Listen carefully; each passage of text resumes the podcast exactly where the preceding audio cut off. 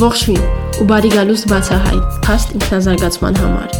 Ես Արմիգն եմ, ձեռներեց ու անչափ հետաքրքրասեր մարդ։ Այստեղ կիսվում եմ իմ փորձով ու գիտելիքներով, որովհետև համոզված եմ, որ օգնելու է շատ շատերի ավելի արագ հասնելու ձեր անձնական կամ գործնական նպատակներին։ Բաց չթողնես շփաթական բացահայտի քո հնարավորությունը։ Իսկ հիմա անցանք այսօրվա թեմային։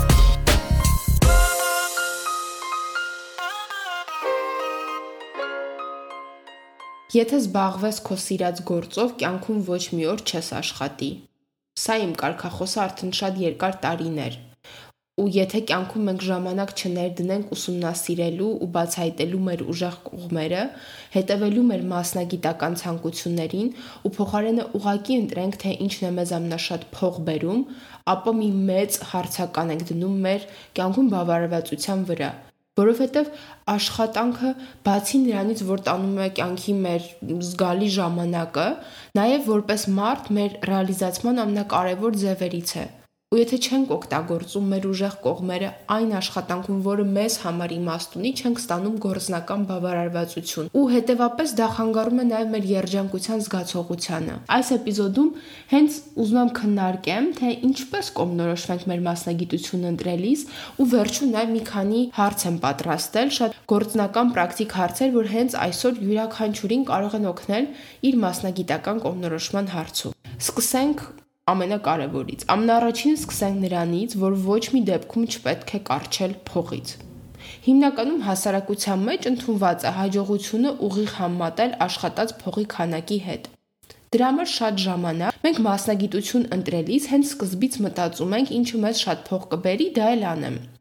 Բայց իրականում Նախ շատ հայտնի մարդիկ, նույնիսկ բիզնեսմեններ, շատ փող են աշխատել որպես ուղակի հավելյալ արդյունք իրենց ուժեղ կողմերը օգտագործելիս կամ այլ գլխավոր նպատակի համար աշխատելով։ Ու ստացվել է նաև այնպես, որ դրանով նրանք շատ փող են աշխատել։ Սա չի նշանակում, որ չեն եղել կամ չկան հիմա այլ մարդիկ, ու նպատակը աշխատանքի առումով ուղակի փող աշխատելը չէ, այո, լինում է, որ մարդը ուղակի հիմնում է բիզնես կամ ինչ որ աշխատանքի անում միայն շատ փող ունենալու համար։ Բայց այստեղ մի քանի վտանգավոր կետ կա։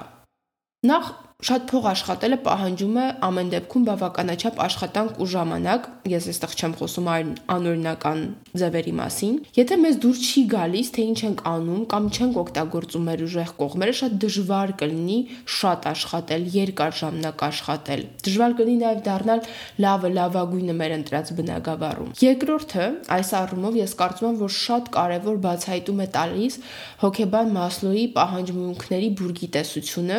սա նաև է էկոնոմիկայի մեջ է շատ քննարկում, շատ տարբեր ձևերով, շատ կարևոր աշխատություն, շատ կարևոր տեսություն է սա։ Լույս Մասոն առաջինն է եղել, ով սկսել է ուսումնասիրել մարդու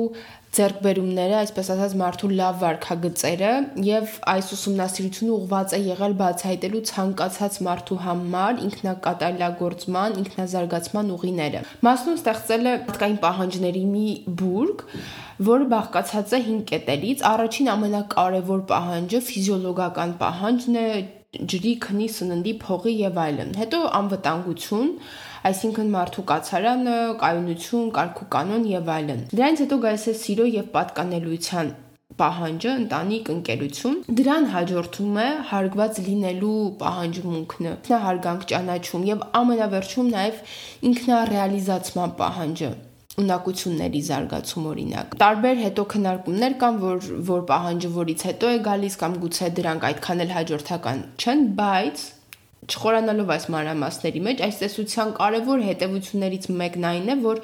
փողի որոշակի քանակից հետո ավելի կարևոր են դառնում այլ կարիքներ, ինչպիսիք են օրինակ ռեալիզացումը, ինչ որ ուրիշ կարևոր նպատակին աջակցելը, ինքնազարգացումը եւ այլն։ Այսինքն ստացվում է, որ փողը ընդհանրապես մի հատիկն է։ Որոշ մարդկանց մոտ ավելի շատ, որոշ մարդկանց մոտ ավելի քիչ, բայց երբեք միակ ու կարևորագույն մոտիվացիայի ու բավարարվածության աղբյուրը չստի։ Այն մարդկանց համար, ովքեր ուզում են հիմա կոմնորոշվեն, թե ինչ սովորեն, կամ ինչ գծով խորանան, ինչ գծով զարգացնեն իրենց մասնագիտական հմտությունները, ուզում եմ շեշտեմ, որ միայն փողի համար աշխատելը, միայն մտածել ու ընտրությունը կատարել, թե ինչը շատ փող կբերի, մեզ չի տանի երկարաժամկետ բավարարվածության, սա երկարաժամկետ ստրատեգիկ ճիշտ որոշում չէ ինքներս մեզ համար։ Կլինի դա մենք ստեղծում ենք մեր բիզնես, աշխատում ենք որևէ ընկերությունում, թե որպես անհատ ենք աշխատում։ Սա չի նշանակում, որ փողը բացարձակապես նշանակություն չունի։ Փողը կարևոր է, բայց առաջնահերթություն չպետք է լինի, հատկապես մեր կարիերայի սկզբում։ Փողի հետևից ընկնելը այս ժամանակ մեզ իրականում հետ կպահի ապագա հաջողություններից։ Մեր հետաքրքրությունները, մեր մասնագիտական հմտությունների զարգացումը պետք է փողից առաջ լինի։ Այսինքն, պետք է պատրաստ լինես, այո, համարցակություն վերցնես փողին ոչ ասելու, երբ այն դեմ է քո որպես անձի զարգացմանը, քո մասնագիտական զարգացմանը, քո համար որևէ կարևոր նպատակի համար աշխատելու։ Համոզված եղիր, որ այսօր մի փոքր ավելի շատ ժամանակ տրամադրելը, որպեսզի իրոք հասկանաս, թե ինչ ես ուզում անես, ոչ միայն փողի համար, այլ ելնելով քո ցանկություններից, թե ինչն ես կարևորում կյանքում եւ քո ուժեղ կողմերից, քեզ վաղ մյուս օր շատ ավելի մեծ արդյունքներ է բերելու, քան թե եթե հիմա այս կարևոր հարցերի շուրջ չկողմնորոշվես։ Այսպեսով հաջորդ կարևոր հարցը դառնում է իսկ ինչպես գիտակցենք, բացահայտենք մեր ուժեղ կողմերը եւ իրոք բացահայտենք, թե որոնք են մեր նախասիրությունները, որ գործն է մեզ հոգեհարազատ, որ աշխատանքն է մեզ համար իմաստալից։ Իհարկե մարդկային պատմությունը լի է տաղանդների օրինակներով, մարդիկ, որ կարծես թե հենց շատ փոքր տարիքից པարզ է եղել իրենց ուժեղ կողմերը եւ թե ինչ իրենք պետք է անեին։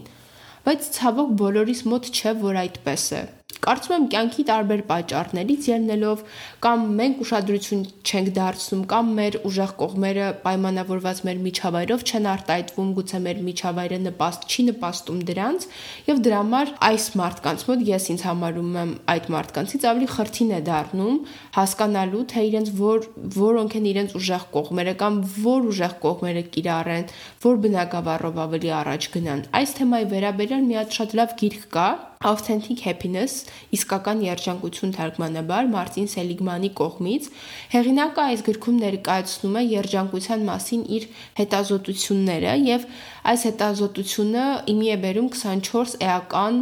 կարևոր գլոբալ ուժեղ կողմեր, որպես երջանկությունը կառուցող սյուներ եւ հիմնական ուղերձային է, որ մարդը պետք է կենտրոնանա եւ օգտագործի իր հիմնական բնական ուժեղ կողմերը եւ հենց դրանք օգտագործելով է, որ մենք իրականում մեզ լիարժեք եւ երջանիկ կզգանք։ Իրականում ես իմ կյանքում էլ նկատել եմ, երբ կենտրոնացել եմ իմ թույլ կողմերը ուժեղացնելու վրա, կարծես ինքս իմ հետ պայքարի մեջ մտնեմ, ինձ լիարժեք չզգամ։ Դրա փոխարեն, երբ կենտրոնանում ենք մեր ուժեղ կողմերը նկատելու, բացահայտելու եւ դրանք ել ավելի ուժեղացնելու, բառից բուն իմաստով տաղանդ սարքելու վրա ավելի լիարժեք ենք զգում եւ կարծում եմ որ շատ-շատ ավելի մեծ արդյունքներ ենք ստանում, քան թե պայքարելու մեր թույլ կողմերի դիմաց։ Ուժեղ կողմերը նկատելու մի քանի տարբերակներ կան, եթե դրանք մեզ համար այդքան པարզ չեն։ Ես ինքս կիրառել եմ նախ հետեւյալը, առաջինը պետք է ուշադրություն դարձնես, թե որ աշխատանքն է քեզ համար կարծես խաղ ու պար որ աշխատանքի մեջ ես կարծես մեկ դառնում աշխատանքի հետ ու լիովին լինում այդ պահի հոսքի մեջ։ Հոսք հասկացությունը բխում է պոզիտիվ հոգեբանությունից, հոսք ասելով հասկանում ենք այն պահը, երբ դու